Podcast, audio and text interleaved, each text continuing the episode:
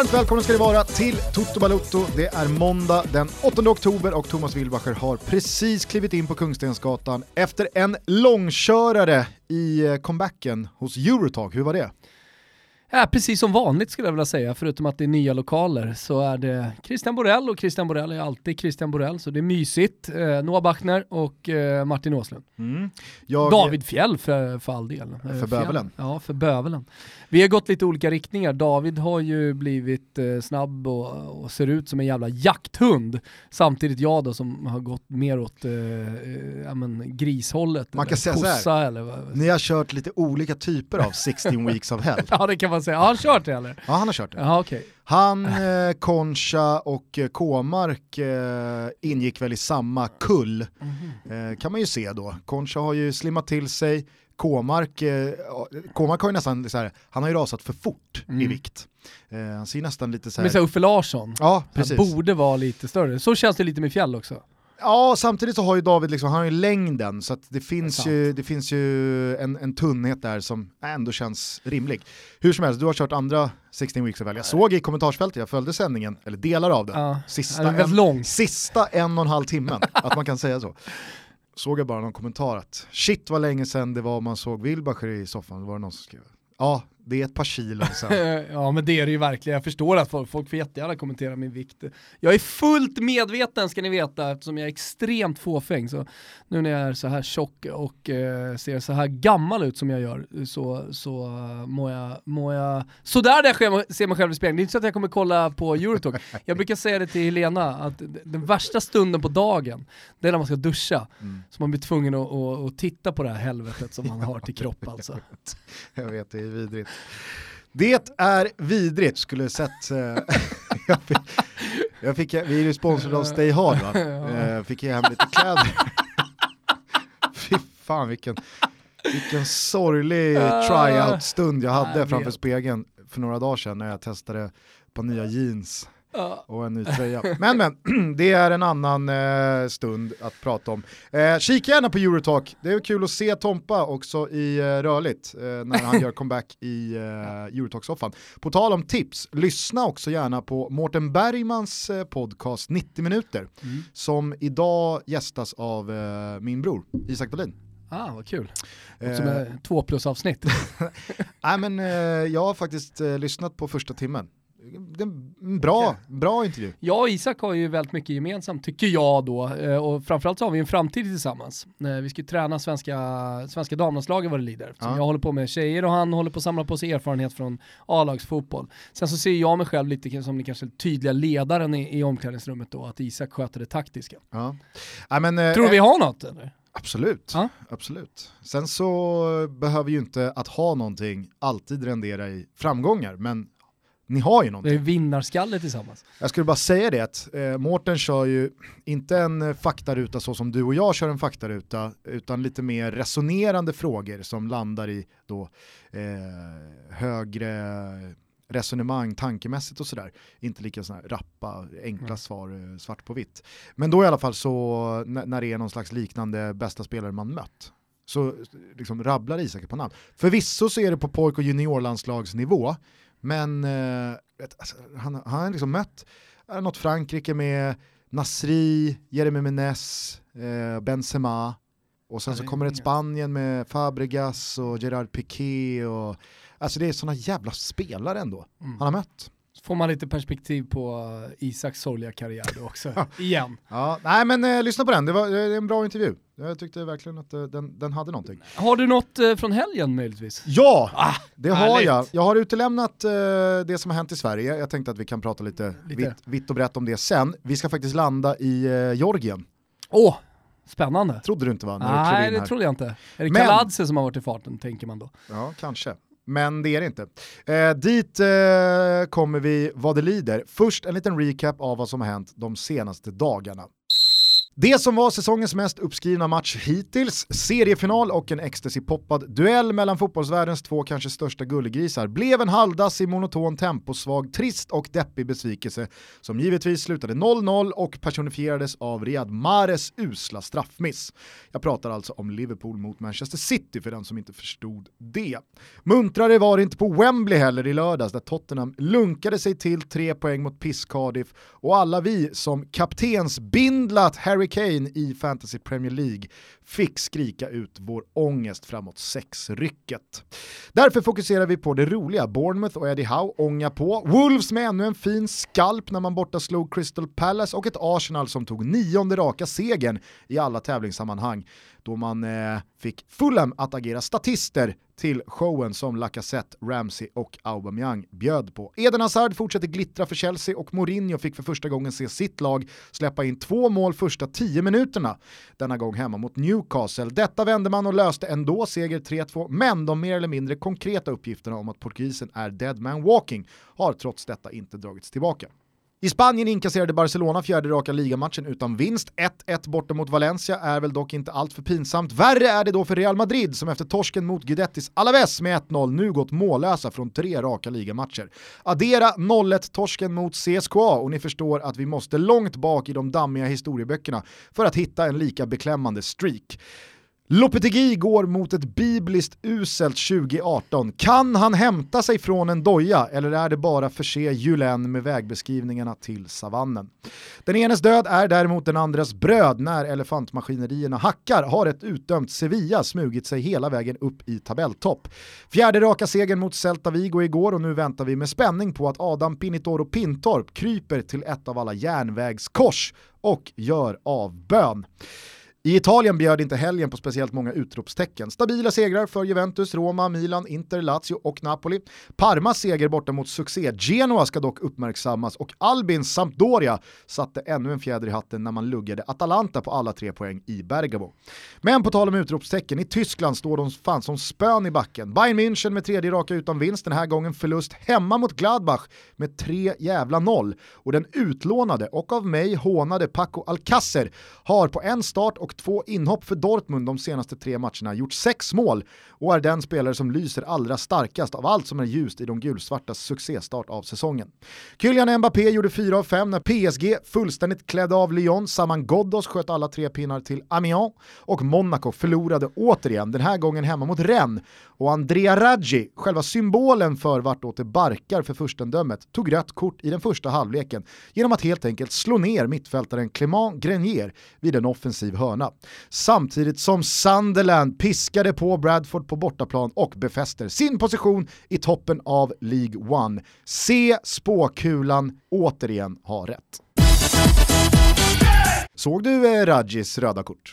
Jag såg folk som uppmärksammade det om det Hörnan slås och då kommer det bara en vänsterkrok. Pang! Smäller ner, vad heter han? Grenier, alltså. har man ingen aning om vem det är. Clément Grenier i Rennes. Eh, rött kort direkt. alltså, det är sån overklig det är, sån ov det, det, det är sånt overkligt agerande av Raji i det läget. Ja men det är ett hjärnsläpp.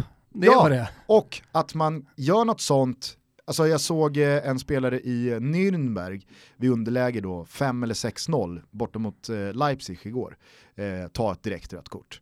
Kan man ju ändå förstå. Det är en halvtimme kvar, vi ligger under med fem kassar.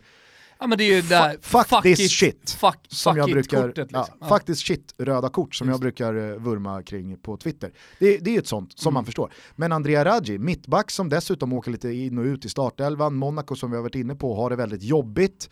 Här möter man Rennes hemma i en sån här match man behöver vinna för att skaffa sig lite andrum inför ett två veckors väldigt långt landslagsuppehåll annars. Ah, vad gör han? Han bara svingar ner någon på offensiven.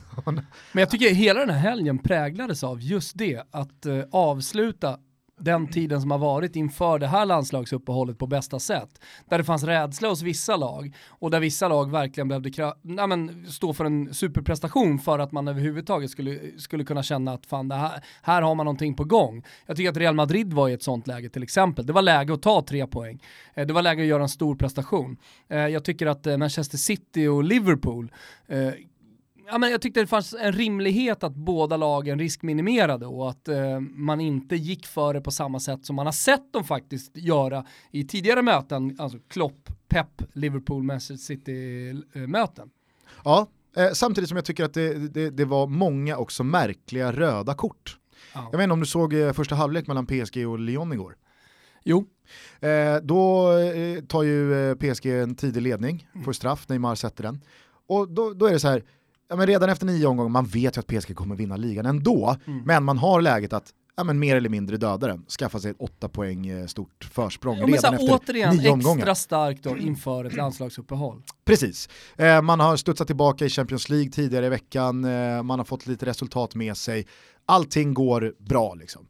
Och så i det läget 1-0 så väljer då Kimpembe Dessutom i en konkurrenssituation, där finns ju Marquinhos, där finns Thiago Silva och så vidare. Han väljer att mitt på plan, bara då, här kommer jag i full fart, sträckta sulor, jag vet att jag kommer få rött kort. Ja.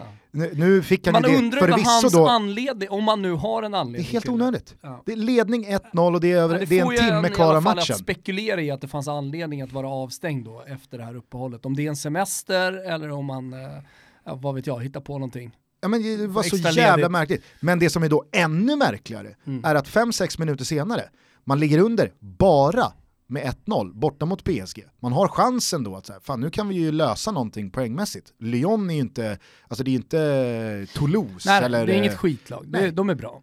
Eh, man har slagit Manchester City på bortaplan nyligen. Eh, vad, gör, vad gör Lyon mittfältaren då? I underläge 1-0 men man är numerärt överlägsna 11 mot 10 med över en halvlek kvar. Ja, då tar han rött kort i en omställning på egen planhalva. Det är så jävla hjärnsläpp. Ja, mycket, mycket märkligt. Eh, men, jag nämnde ju det i svepet också, från Frankrike så tar man ju med sig ytterligare en sån här, nu ska jag absolut inte ljuga och säga att jag såg matchen. Amiens, vilka nu de mötte. Nej. Men Saman Ghoddos gör ju ett kanonmål igen, han skickar in en raket från 25 meter upp i taket, matchhjälte, tre poäng och bevisar sig återigen vara en spelare som absolut mm. håller en riktigt, riktigt hög nivå i en riktigt, riktigt bra liga. I landslagstider då, när man ser eh, truppen som Janne har tagit ut, eh, när man minns tillbaka på insatserna mot Österrike och eh, inte minst Turkiet. Fy fan, alltså vilken miss. Ja. Vilken miss. Ja. Och Nej, jag, blir, men, och... jag blir ännu mer frustrerad när man då kunde se Saman Ghoddos för ett år sedan, alltså vid tiden han valde Iran. Jag menar, han hade ju redan varit riktigt, riktigt bra mm. i Östersund i allsvenskan, mm. men också i Eh, Europa League-kval under sommaren. Jo, men det, Precis, mot riktigt bra motstånd. Alltså så man visste att han hade det i sig. Eh, och det är ju samma, tycker jag, nu är väl, eh, det kanske Saman Ghoddo sticker ut ännu mer, eller det gör han väl. Men när Jan Andersson säger på presskonferensen, han får frågan om Ricardo Gagliolo, nu ska vi absolut inte älta honom eller sälja in honom till folket, det är inte min mening. Men, det har du redan gjort. Jo, jag vet, det har vi redan gjort och jag vill inte fortsätta göra det. Men där, när han då sitter på presskonferensen och påstår att han inte har plats, eh, eller att han inte har klassen, att, uh, att vara med är för mig häpnadsväckande.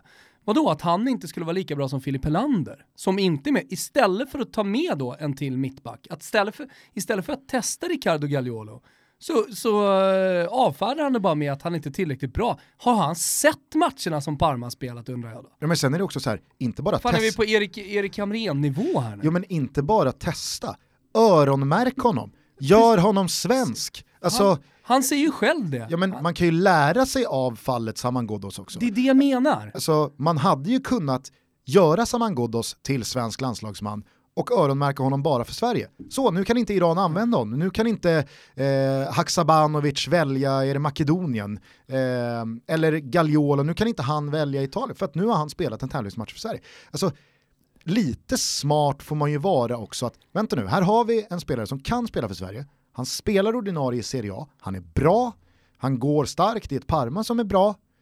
Visst, det kommer nog handla väldigt mycket om i första hand Granen och Victor Nilsson Lindelöf, där finns Ponne. Men vad fan? Jo, om Gagliolo men det är det vill... som är poängen, vad händer sen? Vi. Vi, för vi kommer komma Var är vi om ett år? Exakt, då kommer det komma någon ny situation. Och det, det är det som är så svårt att förstå. Eh, för nu kanske folk avfärdar det här med att han kommer väl aldrig bli aktuell för det italienska landslaget? Jo, det är ju precis vad han är. Giovinco Mancini- är ju tillbaks, så att Ja, men- allt kan uppenbarligen ja, hända. Allt kan uppenbarligen hända. Nej men Mancini var ju och kollade på hans senaste match, fysiskt på plats. Han var där för Gagliolo. Hej! Lyft luren, vi är i Sverige. Ja, alltså, jag, jag, jag. Märkligt tycker jag. Eh, men kort bara tillbaks till eh, Real Madrid där, för det är ju anmärkningsvärt, du nämnde Ja. ju det. Det är en ny förlust, eh, den här gången 1-0 borta mot Alaves, och som jag var inne på, fjärde raka matchen som Real Madrid inte gör mål. Jag vet inte om du har sett någon sån här benchmark historiskt, jag har inte sett det fladdra förbi, men det måste ju vara många, många, många, många, många decennier sedan Mm. Real Madrid gick fyra raka tävlingsmatcher utan att ens göra mål. Nej exakt, Eh, vi pratade om det i Eurotalk också, men, men här har ju Real Madrid gjort bort sig under sommaren. Man säljer 50 mål i nio säsonger i rad utan att ersätta. Jag tycker att det är jättecharmigt att de försöker eh, liksom eh, testa sina egna talanger, Ceballos, Isco och så vidare. Man, man sveper den, eh, den iberiska halvön efter bra spelare. Jag köper det fullt ut, men säljer man en spelare som Cristiano Ronaldo, då måste man ersätta det med någonting. Du kan inte lita på Christian... Eh, Christian. Christian Bale! Gareth Bale! Christian Bale. Ja. Det är ju en urkukning som man gillar annars. När han tappade När han tappade ja, till någon eh, stackars ljussättare. ljussättare. I want you off the fucking set, you prick! Sorry no, don't just be sorry. Think for one fucking second. The, the fuck are you doing? Are you professional or not? Yes, I am. Do I fucking walk around and rip down? No, shut the fuck up, Bruce. Do I want? No! No! Don't shut me up. Am I gonna walk around and rip your fucking lights down in the middle of a scene? Then why the fuck are you walking right through? Ah, da da da da, like this in the background. What the fuck is it with you? Hur som helst, eh, nej men att man, som när vi sitter här med Pinitoro och um, han säger, men nu kan ändå Chris, nu kan ändå Gareth Bale eh, få större utrymme, nu får han större ansvar. Eh, han trodde att det var bra. Jo, man har 45, 45% närvaro de senaste säsongerna. Det, det går inte att lita på Bale. Nej, alltså bara för att Cristiano Ronaldo har lämnat så behöver ju inte det innebära att Bales fysik blir bättre. Det som talar för det snarare är ju att det ska bli sämre i och med att större ansvar och mer speltid och tuffare uppvaktning rent fysiskt väntar Bale när det inte finns en Ronaldo att ta smällar för honom. Men, och så börjar man kolla, vad ska man ta då? Ska man ta Guti, alltså välja den interna lösningen, en spelare som återigen kommer in i omklädningsrummet och eh, spelarna i alla fall ställer sig på knä för att han är en gammal klubblegendar med allt vad han har gjort för, för Real. Eller ska man välja någonting utifrån och så börjar man titta, vad är det som finns där egentligen? Så hittar man inte speciellt mycket. Nej, jag tänkte faktiskt i morse när jag återigen då tänkte på den här situationen att så, fan ska Real eh, byta tränare, vad ska de ta? vet, du, vet du vilket namn som ploppar upp? Nej. Zidane är ju ledig. så tänkte jag så här, vad fan de borde ju ta Zidane och sen så gick det några sekunder, sen tänkte jag, just det, just redan Zidane lämnade Nej. ju i Nej, det, och, men det, det kanske inte är en helt omöjlig lösning. Det kan ju vara så att de, Florentino Perez eh, tar upp telefonen och säger att du måste styra upp där, kom tillbaka, det är samma spelare. De vet precis vad han kräver, de vet precis hur, han, hur de vill att han ska spela, men det är ju verkligen att markera. Det blir ju symboliskt jävligt starkt att säga att eh, Lopetegis fotboll inte funkar. Att återgå, det blir, det blir på något sätt eh, som att man erkänner sin egen inkompetens. Och sen är det ju oerhört starkt av Real Madrid då att bara totalt pissa på den spanska landslagsfotbollen. Mitt under VM pajar man allting, tar in Lopetegui, de åker ur i åttondelsfinal, sen börjar han träna efter några månader. Äh, det här funkar inte, sparkar vi honom. Ja, och som jag nämnde Så i svepet, värt. vad väntar Lopetegi? Eller Lopetegi som några säger, Ja. jag bryr mig inte riktigt, eh, alla förstår vem vi menar. Alltså kan man hämta sig från ett sånt halvår? Har liksom tagit sig upp den långa vägen, han var ju u förbundskapten innan A-landslaget, han gör ett jättefint kval, eh, tar sig in i VM, får en relativt enkel grupp, har ett eh, lag som är fantastiskt bra, mix, ungt, gammalt, eh, erfarenhet och ja, men, det kändes ju verkligen som att Spanien skulle, med den revanschlustan också som fanns från inte minst då VM 14 i Brasilien, Exakt. Skulle gå långt och Lopetegui skulle visa en hel fotbollsvärld som fortfarande liksom, tyckte han var ganska anonym och vem är det här och ah, jag, vet, jag har inte riktigt koll på honom. Han får inte ens uppleva VM utan får sparken två dagar innan premiären, tar ändå Real Madrid och i början på oktober så är han på väg att få lämna. Alltså. Det, det sabbatsåret som nu väntar, om fallet skulle bli så, det är ju, det, det är ju monumentalt. Ja, jag vet monumentalt. fan om man, om man kan hämta sig från ett sånt halvår. Nej, och sen vad menar du med att hämta sig? Ska han komma tillbaka till en storklubb igen? Ja, det har man ju väldigt svårt att se. Vilka Exakt, och vara pallar han börja om? Mm längst ner på stegen. Mm. Pallar han ta liksom ett, eh, jag vet inte, Villarreal som ja, men det är ju det, det, är det som med största sannolikhet kommer att hända. Ja, men det, det, det är därför jag menar, alltså, det är kanske är bättre att ge de vägbeskrivningarna direkt till ja. savannen. Ja, men vi pratade ju om Roberto Donadoni som uh, kom in alldeles för tidigt till det italienska landslaget, dessutom efter att man har vunnit ett VM-guld. Inför en generationsväxling uh, som uppenbarligen varken förbundet eller landet hade tålamod att vänta på. Det, det, var ju, det var ju självmord och sen så har Milan stått utan tränare ända sedan dess mer eller mindre. Alltså, utan, utan en uh, trupp som uh, har, ja, men efter Zlatans tid kunnat konkurrera med Roberto Donadonis namn har aldrig dykt upp utan han har fått uh, harva i, i, i Parma och Bologna om det är nu och harva men man hade ju större förväntningar i alla fall efter att han liksom hade tagit förbundskaptensrollen.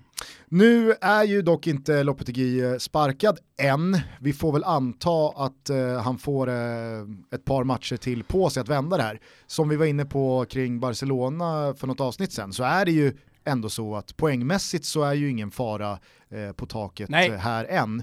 Sevilla leder och det skiljer väl bara två pinnar eller något sånt där. Ja, så att, det, eh, det, är lugnt. Och som sagt, man har en lätt grupp i Champions League, man har redan slagit Roma så att eh, det, det, går att lösa, herregud. Minns Real Madrids fjolårssäsong, då var ju hösten så här också. Exakt. Eh, men, på tal om Zidane då, då så verkar det ju som att i alla fall om man ska tro hans agent, så är dörren till England och Manchester United stängd. Jag vet inte hur mycket man ska ge om de här uppgifterna. För i eh, fredags då, då så kablades det ut att eh, hur det än går mot Newcastle under lördagskvällen så kommer... Daily Mirror tror jag som kom uppgifterna. Ja, eh, så skulle Mourinho då få sparken. Vi kan väl lyssna på hur det lät i Sky Sports när då Gary Neville kommenterade de här uppgifterna. First of all, Gary, would this be the right decision by Manchester United? No. I think, to be honest with you, Kelly, I'm furious. I'm furious going back three, four years ago when David Moyes was sacked, when it broke a day before to journalists. I think of Louis Van Gaal being sacked in the evening of a cup final and finding out from other people. I think about how the club's been operated if this is true, we don't know if it's true, but if this is true, and Jose Mourinho is going to walk out at Old Trafford tomorrow as almost like a dead man walking, those fans will absolutely turn towards that boardroom. It's unacceptable. And I have to say that Jose Mourinho will get the massive, the biggest support he's ever had in his life tomorrow, I think, in that, in that ground. And I'll be there to give it to him. Because if this is true and it's broken the day before it's going to happen and he's going to be sacked after the game or at the weekend, it's an absolute disgrace. Where's the values and the principles of Manchester United if this is true? That the journalists find out and it isn't announced at the right time. Look, at the end of the day, this is now going going on for five or six years. And I have to say that any manager, Jose Mourinho is one of the best managers in the world. And I think at this moment in time, any manager would struggle in that football club, the way in which the recruitment's handled, the way in which it operates. Um, and enough's enough for me. I love that football club. I absolutely love it to death. It's been my life. It's given me everything. And I'm not turning on my football club. But I have to say, something has to change. And it isn't the manager. It's above that. Han är, han är väldigt förbannad här, eh, Gary Neville. Han, eh, alltså, han, man, om man inte har sett det här klippet så tycker man ska se det. För att den tystnaden innan hans första ord. Han liksom Ja, han samlar sig verkligen vet, från ett raseriutbrott. Exakt, han vet att här kommer en urladdning och jag behöver energi till det. Orkar han? Funderar också under en millisekund, orkar jag verkligen det här? Ja, och eh, det här är ju liksom inte första gången det sker, det var samma sak med Mois, van Schall, nu så pratar han om att det sker igen med Mourinho, att det är som att man spelar football manager med världens största klubb. Alltså, samtidigt så är han ju väldigt tydlig med att nej, jag tycker inte det är rätt att sparka Mourinho, jag är bara, jag, alltså så här, jag vet att det här har diskuterats i oändlighet i alla olika sammanhang, men när man såg matchen i lördags, alltså den första halvleken man gör mot Newcastle, nu lyckas man vända det till 3-2 och tar tre poäng och sådär. Och, och Mourinho visade ju ändå någon slags, eh, jag tänker inte gå under eh, utan att bry mig. Han gör ju ett byte redan efter en kvart och ja, men, kämpar och om man ska tro eh, uppgifter från, jag tror att det var The Sun, de är väl inte supertillförlitliga, men så hade det ju varit ett väldigt liksom homogent snack i halvtid och han hade vägt in spelarna i att hur ska vi göra för att vända det här och Pogba ska då Precis. liksom kommit med någon taktisk eh, plan på hur man disponerade om laget och in med mm. Fellaini och så vänder vi det här tillsammans och så gör man det. Och han är ju heller inte sparkad än, men jag ser heller liksom inte vart det här ska ta vägen. Nej, för du får ju tänka både kortsiktigt och långsiktigt här. Eh, på kort sikt så måste man rädda säsongen och göra så bra som möjligt. Vad är bäst då? En interimtränare? För du kommer inte ta in någon nu som kommer stanna kvar, med största sannolikhet ska sägas, som kommer stanna kvar under en eh, längre tid i Manchester United. Ja, där är, väl bara, där är väl bara Zidane. Ja, Conte också. Ja. Eh, men det, det, där känns dörren stängd också. Skitsamma. Ja, ska man ta in en interimtränare, blir det då bättre än med José Mourinho? Det är i alla fall en chansning, det kan man aldrig veta. Och sen då långsiktigt, det är ju så Manchester United be behöver tänka nu. Vad, liksom, vilken tränare vill vi ha? De är världens rikaste klubb, de kan mer eller mindre, i alla fall ekonomiskt, locka till sig vem som helst. Ja men börja fila på den planen ordentligt och försök att strid till verket så fort ni bara kan. Mm.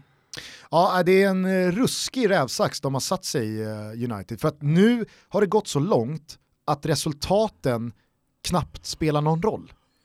Folk har liksom bestämt sig för vad det här är för situation ändå. Mm. Och... Men alltså, Mourinho behöver tio raka segrar i Premier League. Och, inte, och inte, bara 30 poäng, det behöver se ut som mm. the glory days. Ja men framförallt så tror jag att det jobbiga är att alla som har hållit eh, José Mourinho om ryggen, alla som har stått vid hans sida men som sen till slut har blivit tvungna att abdikera inför sina vänner nere på puben på läktarna.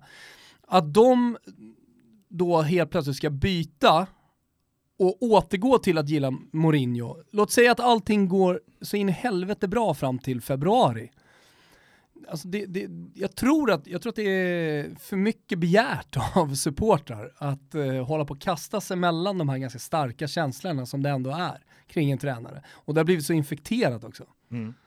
Ja, det blir ruskigt spännande att se vad som händer både Manchester United och Real Madrid. Två tränare som inte ska någonstans som eh, delar serieledningen tillsammans med Chelsea är ju eh, Klopp och eh, Pep. Vad, vad, vad säger du om matchen igår? Vilken Nej. jävla pyspunka. Det finns ju alltid en viss klick av människor eh, som trots 0-0 i de väldigt uppsnackade och uppskruvade matcherna mm. säger det var en grym match ändå. Jävla fotboll och vilka taktiska mm. dispositioner. Och, men den här gången så tycker jag verkligen att det går inte att, eh, vad säger man, polera den bajskorv som var till någonting annat än att det här var tyvärr en sån match där fegheten tog över. Man vågade inte vinna, mm. utan det var rädslan för att förlora som tog överhanden. Och rent underhållningsmässigt, rent fotbollsmatchmässigt så var det en jävla besvikelse det som ja, skedde på Anfield. Det är inte speciellt igår. mycket känslor på planen heller. Nej precis, men, det small men... inte, det var inget furiöst tempo, det var inga som liksom gick för det utan det var en skuggboxning mm. tills att gånggången för sista ronden gick. Och mm.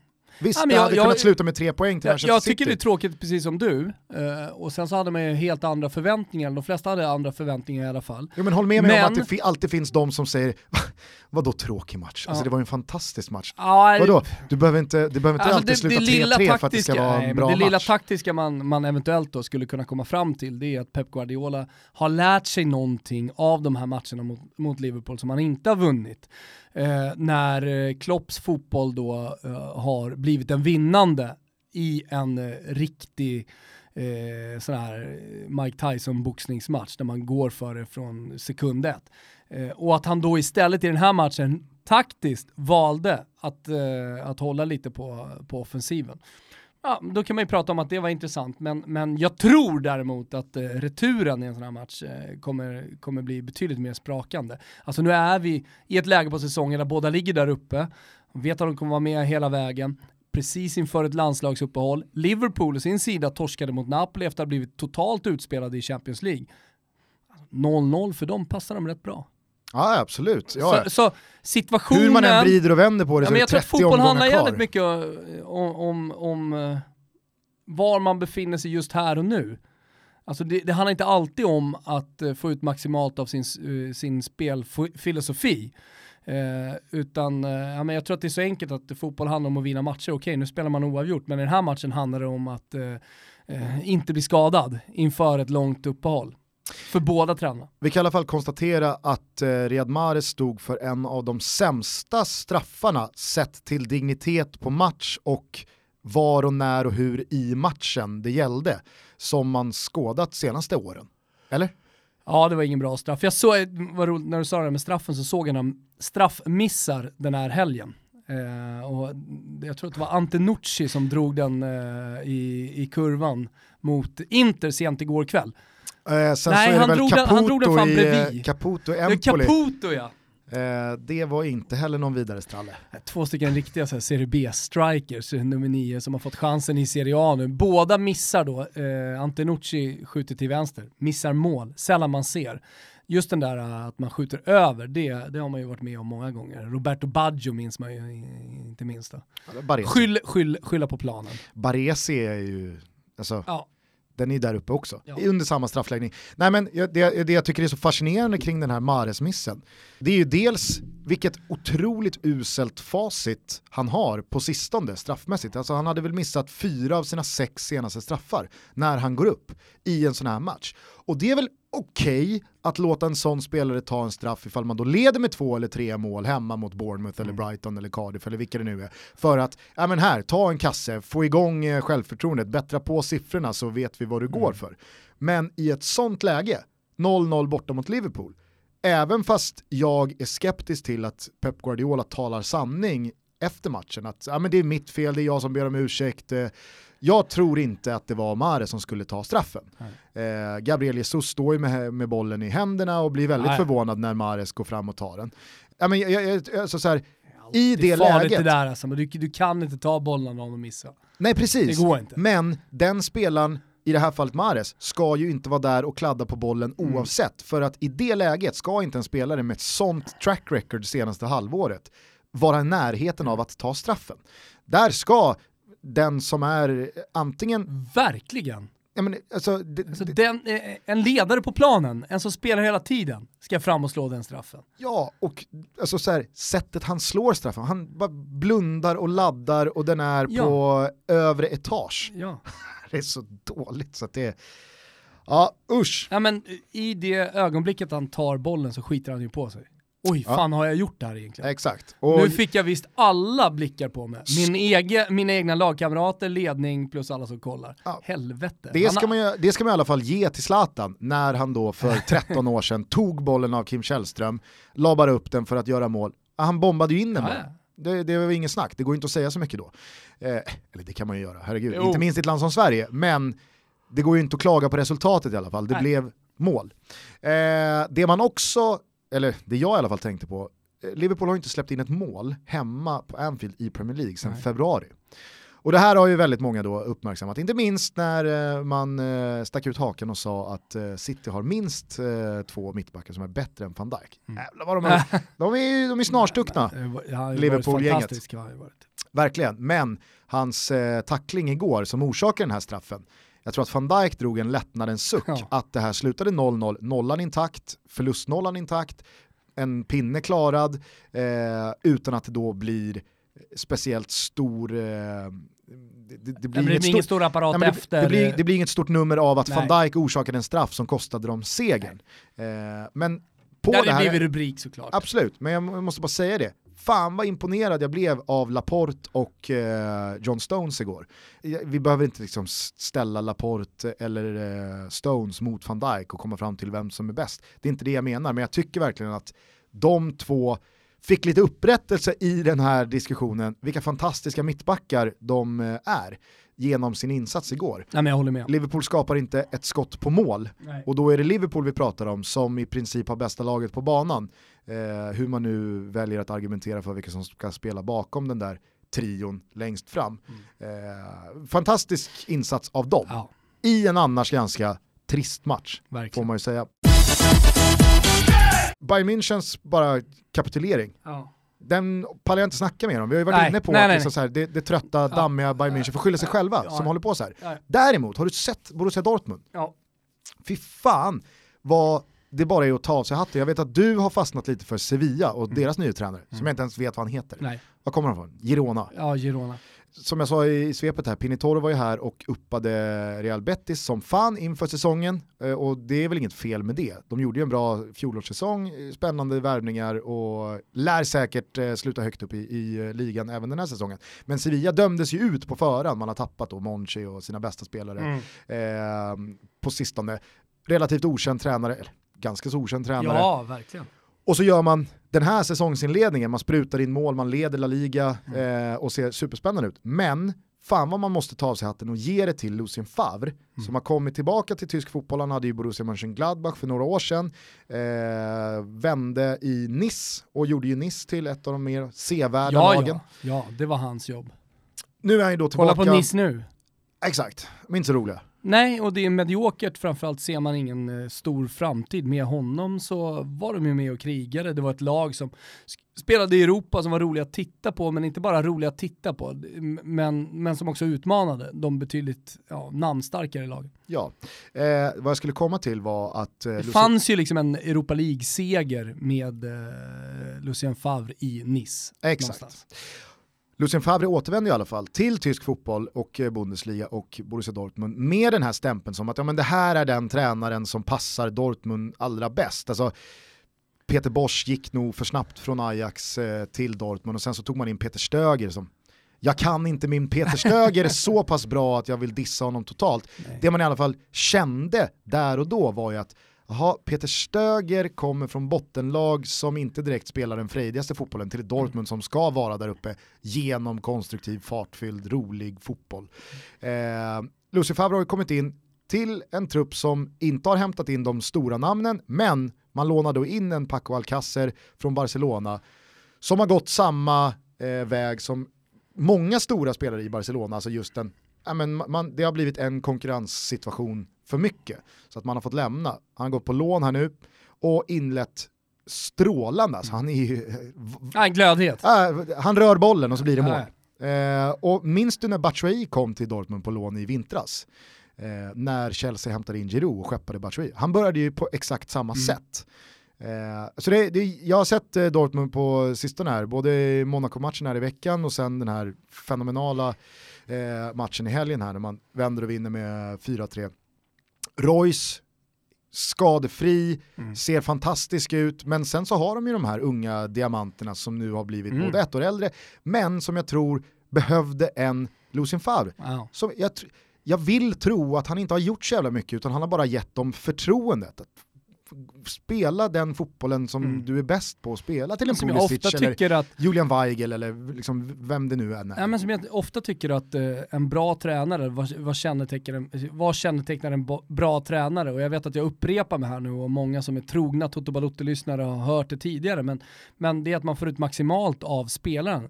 Och eh, det kan ju vara att man eh, ja, tränar dem rätt, att man eh, är, en, är en ledare, alltså en, en tränare, en talangutvecklare av rang. Eh, det kan vara att ja, man hittar rätt position på planen. Alltså, det, det, det finns säkert olika faktorer till att en tränare sen i slutändan är bra att få ut max eh, från sina spelare. Men, men där finns det ju väldigt många exempel. Mourinho just nu då, kanske det tydligaste exemplet som inte får ut någonting av de här enorma talangerna eh, som han har i sitt lag. Eh, att Alexis Sanchez, ja nu gör han mål i, i, eh, i helgen, men, men att, att han inte får ut någonting av honom. Paul Pogba, eh, jättebra exempel också. Eh, Det, det de tränarna som jag gillar. Alltså, nu ska vi inte göra någon brygga över till allsvenskan, men Poya Asbaghi, vad gör han i Göteborg? Ja, visserligen så har han jättedåligt material, man ska inte ha några höga förväntningar på Göteborg. Men jag ser inte att han får ut maximalt av någon spelare i det här laget.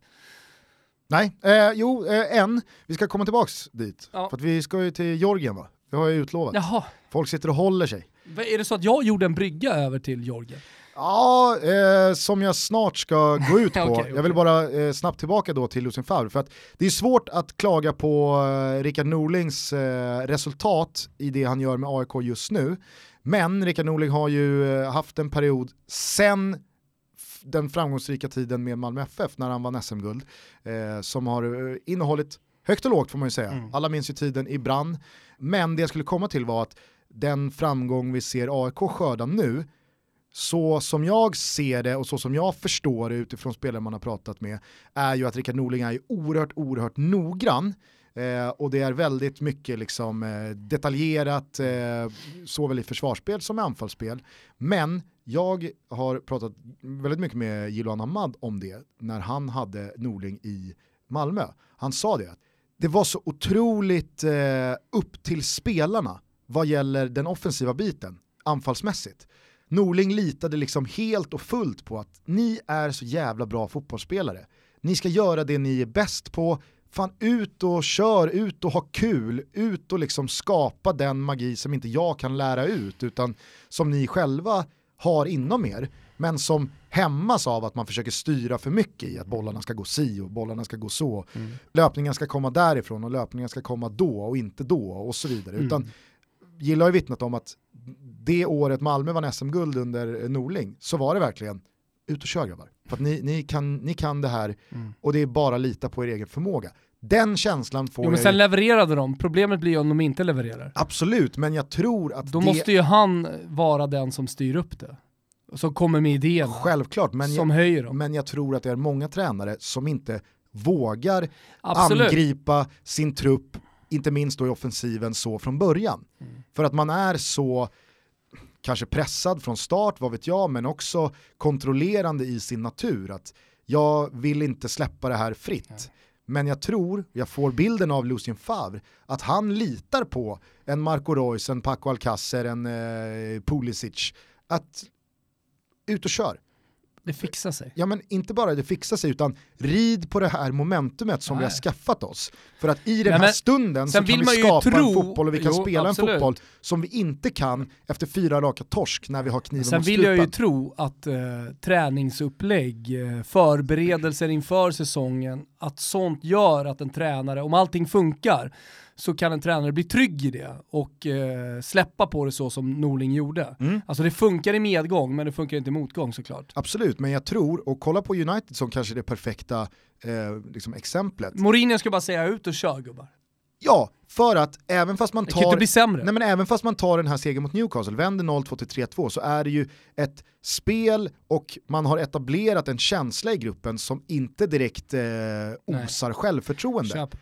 Och det är det jag tror att liksom, Norling framförallt lyckades med då i Malmö, men också givetvis nu. Men ta en Lucien Favre, jag tror att man inte ska underskatta det faktum att det går att spelmässigt, även fast kanske inte resultaten kommer omgående och löpande och hela tiden, så går det att spelmässigt bygga ett självförtroende hos spelare, inte minst de offensiva, som gör att man kan få ut mer av dem än när man försöker kontrollera dem och styra dem in i minsta detalj.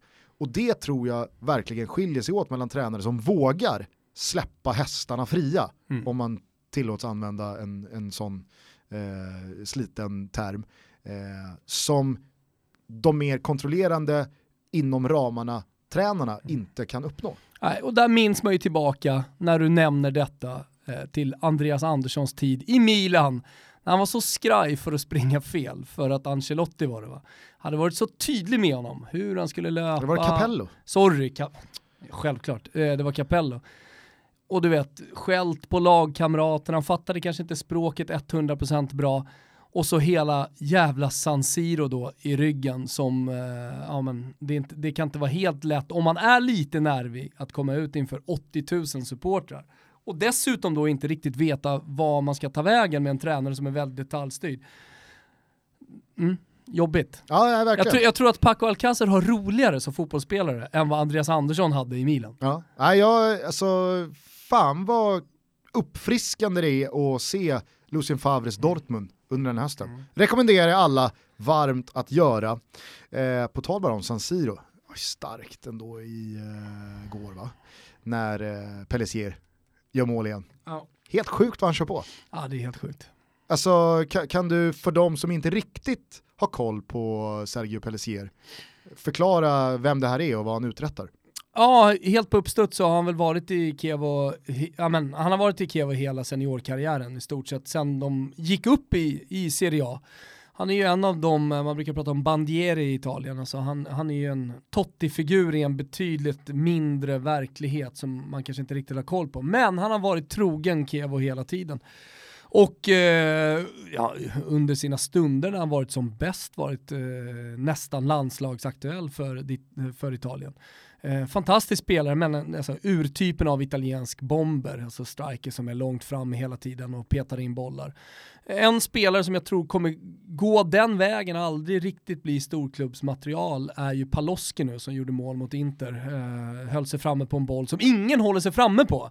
Man pratar ju ofta om det, Simone Inzaghi och dem, att ah, men de stod rätt vid rätt tillfälle, de hade tur och så vidare. Nej, nej.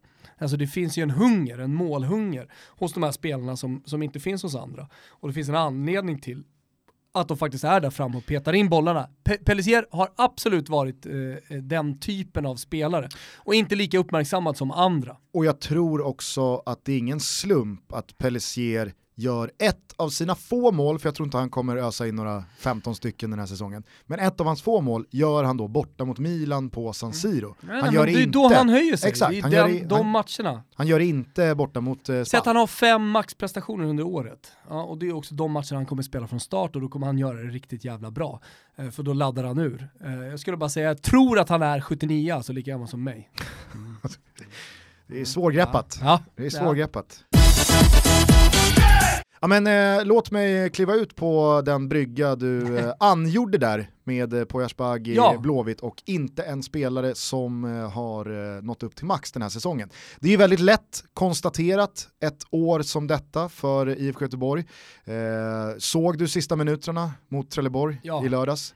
Det var ju eh, det är svårt att kalla det underhållande i och med att det var sån jävla vidrig eh, karatespark i ja. Hyséns huvud då från ja. Jovanovic. Jag hoppas han eh, blir avstängd många matcher. Mm. Det var ju en ruskigt ful, eh, alltså, det är nästan så att det är fulare än Radjis eh, rallarsving. Ja. Hur som helst, jag, jag, hoppas, och det verkar väl som att eh, Tobbe Hysén ja. mår okej. Okay det vore ju för jävligt om det där blir liksom det sista han gör, mm. att han inte hinner tillbaka till sista hemmamatchen och så vidare. Men det ska han säkert göra.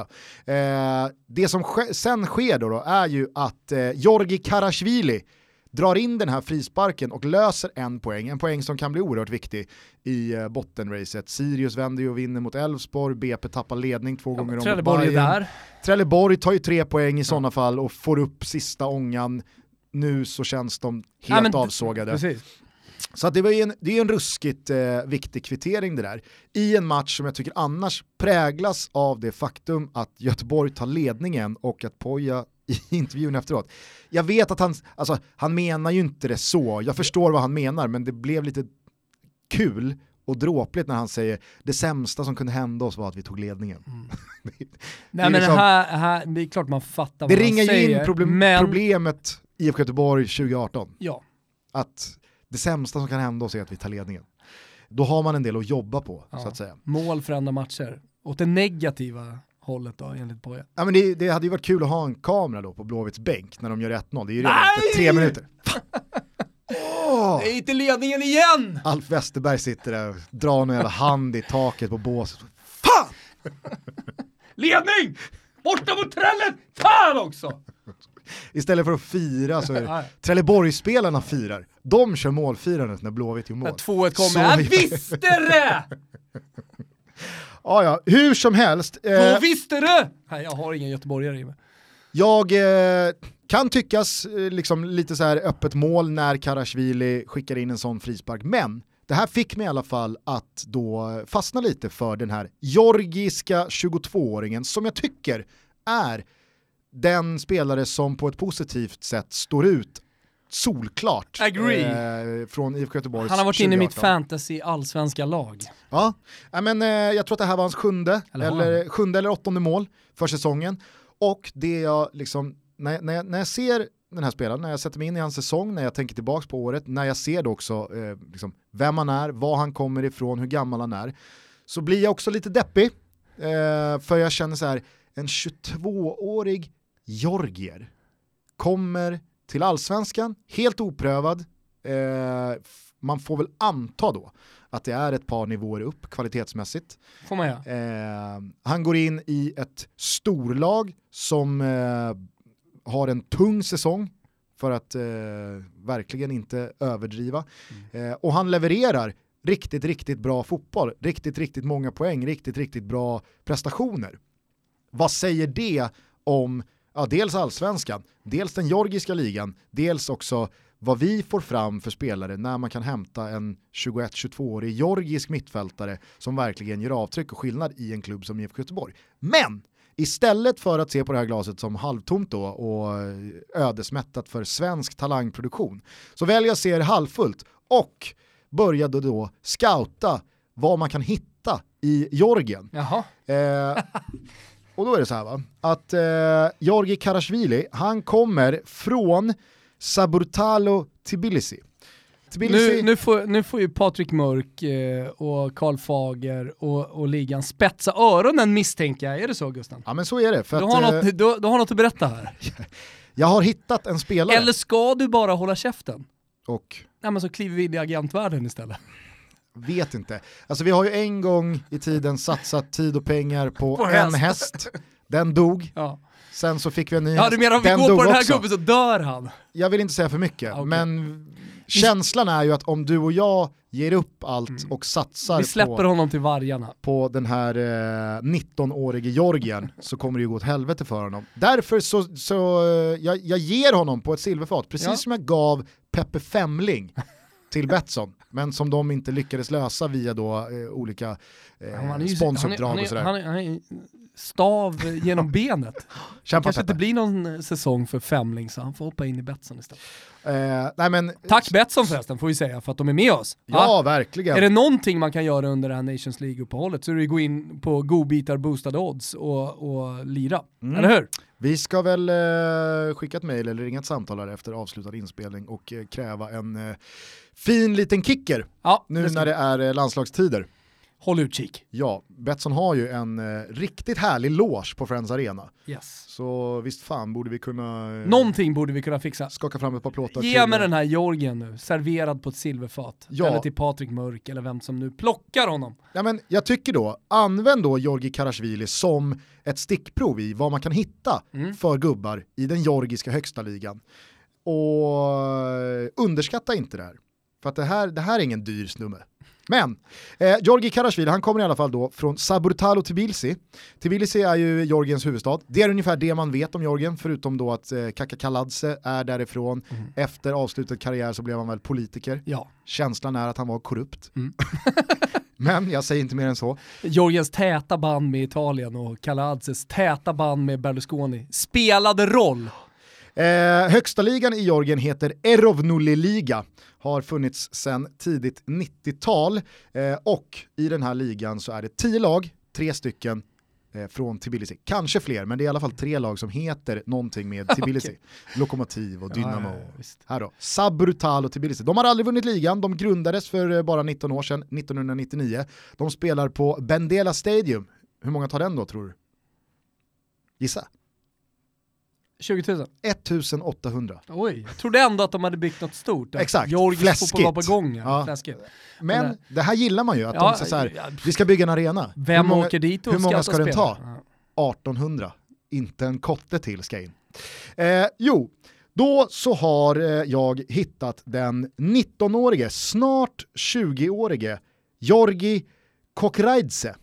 Spelar alltså på samma position som Karashvili, han är ersättaren Oh. till Karashvili i Sabrutalo Tbilisi. Han, började, han A-lagsdebuterade redan 15-16, då förstår ni själva, då var han alltså eh, 17 år. Eh, på sina två ligamatcher den säsongen gjorde han tre mål. Förra året så var han helt ordinarie, spelade 31 matcher, gjorde fem mål, två assist och den här säsongen Vilken position? då... Äh, sen, Central? central, offensiv mittfältare, Ja, har väl eh, vad jag har förstått, jag har inte sett någonting. Nej, det. Men eh, så här, ja, han kan väl spela centralt eller Ja. på nytt. Precis som Karashvili får man ju utgå ifrån. Kan spela släpande, kan spela kant, kan spela centralt. Eh, den här säsongen har han då 27 starter, eller han har 27 matcher, 8 mål, 5 assist. Oj. Han är alltså, jag upprepar det här, 19 år och kan Karashvili komma till Göteborg som en oprövad georgier 21 år gammal och leverera den här eh, fotbollen. Jag vet. Vad hette han igen? Han heter också Georgi, men eh, Kokiraidze. Georgi Kokiraidze. Alltså, man kommer från Georgien Måste man döpa sitt barn då till Georgi? Det är många, alltså det är många som heter Dålig Georgi. fantasi. Ja. Det finns, Som att hela Sverige skulle heta Sven. ja. Nej det är det inte. Sverige. Ja, det är väl så nära Sverige man kommer. Ja, Ja, ah, skitsamma. Dålig fantasi. Men spännande gubbe. Ja, Vi det, följer det, honom då. Det är, som Vi att, det följer är honom. som att alla i Danmark skulle heta Dan. så är det. Eh, så- Så är det. Nej men så att, eh, här har ni. Ja. Alla svenska klubbar som behöver förstärkning och inte vill hosta upp multum. För jag kan inte tänka mig att den här liraren eh, kostar speciellt mycket. Han är dessutom u landslagsman för Georgien. Så att eh, han har ju Tidsfråga innan han börjar leverera G. i A-landslaget också. Men det är ju nu man ska ta honom. Ja verkligen, Mm. verkligen. Och alltså jag... Vad är det för uppenbarelse då när man träffar honom? Ingen aning. En stor kille eller? Ingen aning. Nej, du. Ingen aning. Jag vet inte. Jag har, jag har, alltså Karasjvilis insats den här under den här säsongen. räcker. Ja, jag tycker bara att Karasjvilis bevis för vad man kan hitta i Georgien den här säsongen, Ja. det är argument nog för att titta på Georgien då. Mm. Alltså så många spelare som vi hämtar från Ghana och eh, liksom västafrikanska länder. Nya trender i Georgien. Ja, alltså jag, jag skojar inte. Nej, nej. Den här gubben har vi koll på. Ja, ja, ja. Vi följer honom i alla fall, eller hur? Varje steg han, han tar i framtiden. Inte så mycket annat eh, att ta med sig från eh, den eh, svenska omgången, eller? Det var ju en svajig Alltså. domarinsats får man ju säga på Friends igår. Eh, dock var ju resultatet kan jag tycka rättvist 1-1 mellan AIK och Samtidigt Örebro. kan jag tycka så här, vad är hans och vad är inte hans? Jag tycker att det har gått överstyr. Det, det finns liksom inga tydliga... Jag säger bara att det blev ju, alltså det blev ju Jo. uppenbart när då AIK inte får gehör för en, i mitt tycke, tydligare hans Mm. i första halvlek då. Och sen så eh, åker man på Ja, Rashidi. sen- sen jag menar så om det är Han blir någon... dessutom utvisad och missar Ja. derbyt. Ja, Om det, är någon Eh. som, om det är någon som hoppar in och försöker täcka ett skott med, med inga uppenbara händer liksom utåt för att, för att göra sig stor, så, så är det ju tufft att ta ett gult kort. Vi kan ju fråga, vi ska ju gå i Johannessons fotspår här och vi har varit på derby tillsammans med honom, vi kommer träffa honom snart igen och, och testa på domaryrket, men då kan vi ju fråga honom faktiskt om det här, vad han, vad han själv tycker. För att, jag menar, alltså, fan, ett gult kort, det är bland det hårdaste gula kortet jag har sett. Ja, det är Nej, jag, beredd att hålla med. Jag täckte skott. Ja. Man måste kunna ta med hands utan att det ska Ja, rendera en näst, varning. nä, men nästa steg är ju att såga av armen. Ja, så är det. Tyvärr. Hur som helst så missade ju Besara, eller eh, man ska väl säga att? Oskar Linnér räddade, dock så fick ju Örebro in kvitteringen ändå. Ett resultat som jag tyckte var rättvist och det var ju ett gångbart resultat i toppen den här allsvenska omgången. Eh, Norrköping fick inte mer än 1-1 mot Djurgården och eh, Häcken och Malmö spelade också lika på 1. Mm. Där kan man ju också hitta en domarsituation som jag ska fråga Johannesson om. Såg du bilderna när då Fribbe, Paulinho, men kanske framförallt då Falsetas säger ett par sanningens ord till eh, domaren som då väljer att blåsa av när Häcken får frispark men de kan lika gärna få fördel och då vara två mot målvakt Ja. och sätta 2-1 får man väl anta i matchens Det slutskede. måste man anta. Ja, eh, Falsetas är ju, eh, alltså där, där är ju en stilstudie i ett topplock som flyger. Där går skåpet. Eh, men det vill man ju prata med Johannesson också. Ja. Vad, är, vad är det för nivå surret ligger på i de där situationerna? Ja, precis. När Är det- tre, är fyra det spelare kommer, Ja. exakt. Ska, ska, ska mödrar, Blandas mamma in, ja. ska Precis. mödrar Syrror. dö?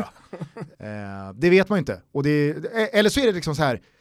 vad i helskotta håller du på med Stefan? Vad, vad, vad, vad, Nej, men jag kan blåser av? tänka mig i så fall att det är på nivån, eh, fan vad dålig du är. Är sämsta jävla domaren vi har haft eller någonting sånt. Har, Mm. du, har du brunnit, eh, ja, din dåre. Och då är man ju intresserad av domaren själv. Alltså, Vad tillåter man? exakt, och i vilken situation kan man förstå, Mm. kanske redan i situationen att aj, aj, aj, aj, aj, där Mm. borde jag ju såklart eh, släppt fördel. Precis. Så att nu får jag helt enkelt bara svälja vad Falsetas och Fribbe och grabbarna har att säga här. Eh, eller ska man då, okej jag gjorde fel men så där får man inte säga till en domare, här är ostskiven alternativt röda. Mm. Eh, det ska vi prata med Johannesson om vad det lider. Nu så inleds ju ett eh, evighetslångt landslagsuppehåll. Eh, vi ska till Ryssland och spela eh, borta Mm. och sen så är det väl. Slovakien hemma va? Och sen så Slovakien eh, hemma, exakt så kommer det vara. Eh, då kan man, Luktar inte fullsatt. mot Slovakien? Nej. Nej, men eh, jag skulle nog gärna vilja gå och se Mark Hamsik. komma till eh, till eh, Friends. Slovakien som fick ett väldigt speciellt liksom, uppehåll senast, när Danmark kom med futsal-landslaget. Ja, just det.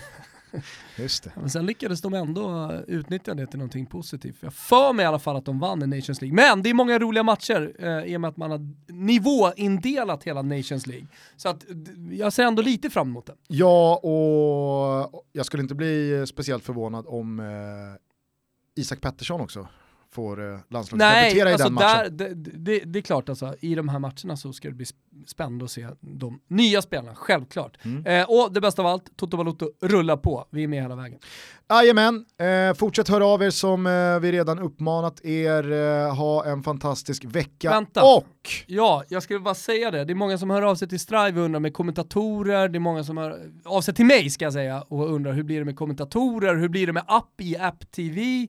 Eh, hur eh, blir det med innehåll och så vidare. Då kan jag väl hälsa att det är någon månad bort alltså, men kommentatorer är på väg, eh, den här appen är på väg, eh, man pratar till och med internt om en linjär kanal och sådär. Så att det, det, det händer grejer på Strive, eh, ha lite tålamod. Det var bara det budskapet jag ville nå, så slipper alla tweeta samma frågor till mig. Mm. Ja, och eh, så understryker igen, 79 spänn i månaden för att se alla matcher från Serie A och La Liga. Det är för bra för att vara sant. Ja, det, Men det, sant det, är det. Ja, om man gillar fotboll så är det för bra i alla fall för att avstå.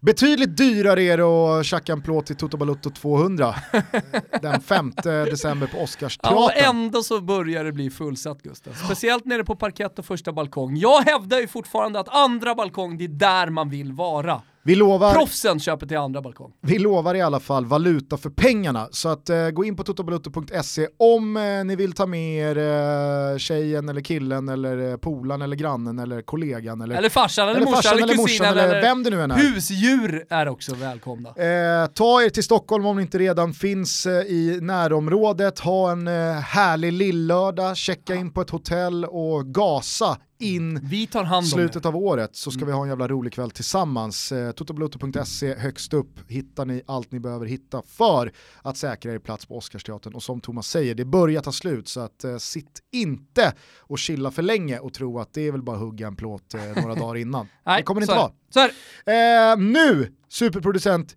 Kimpa Wirsén, kan du väl rulla igång någonting som faller dig i smaken? Det brukar ju vara eh, lite mer åt rockhållet då. Ja, det brukar vara det. Vi får se vad Kim är på för humör. Jag avslutar i alla fall den här dagen med att SAS har börjat flyga till Florens, eller de börjar i sommar. Det är så jävla härligt. Direktflyg alltså, det har inte funnits tidigare. Där sprack min telefon också. Helvete också. Hörrni, tack så mycket för att ni lyssnar. Ciao tutti!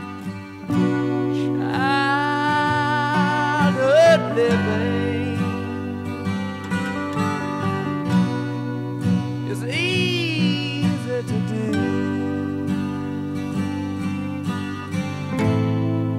The things you wanted, I bought them for you. Great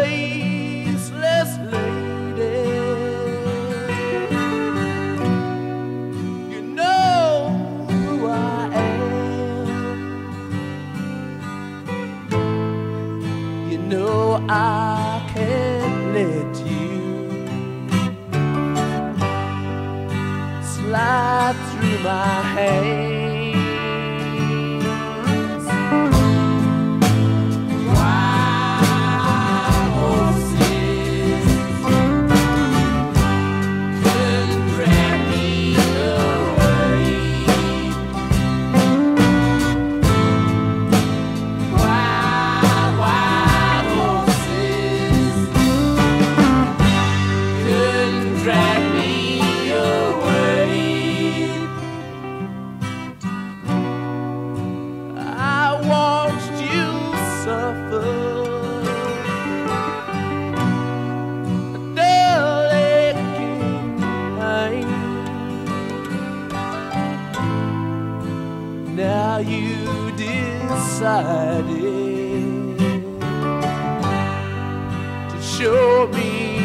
To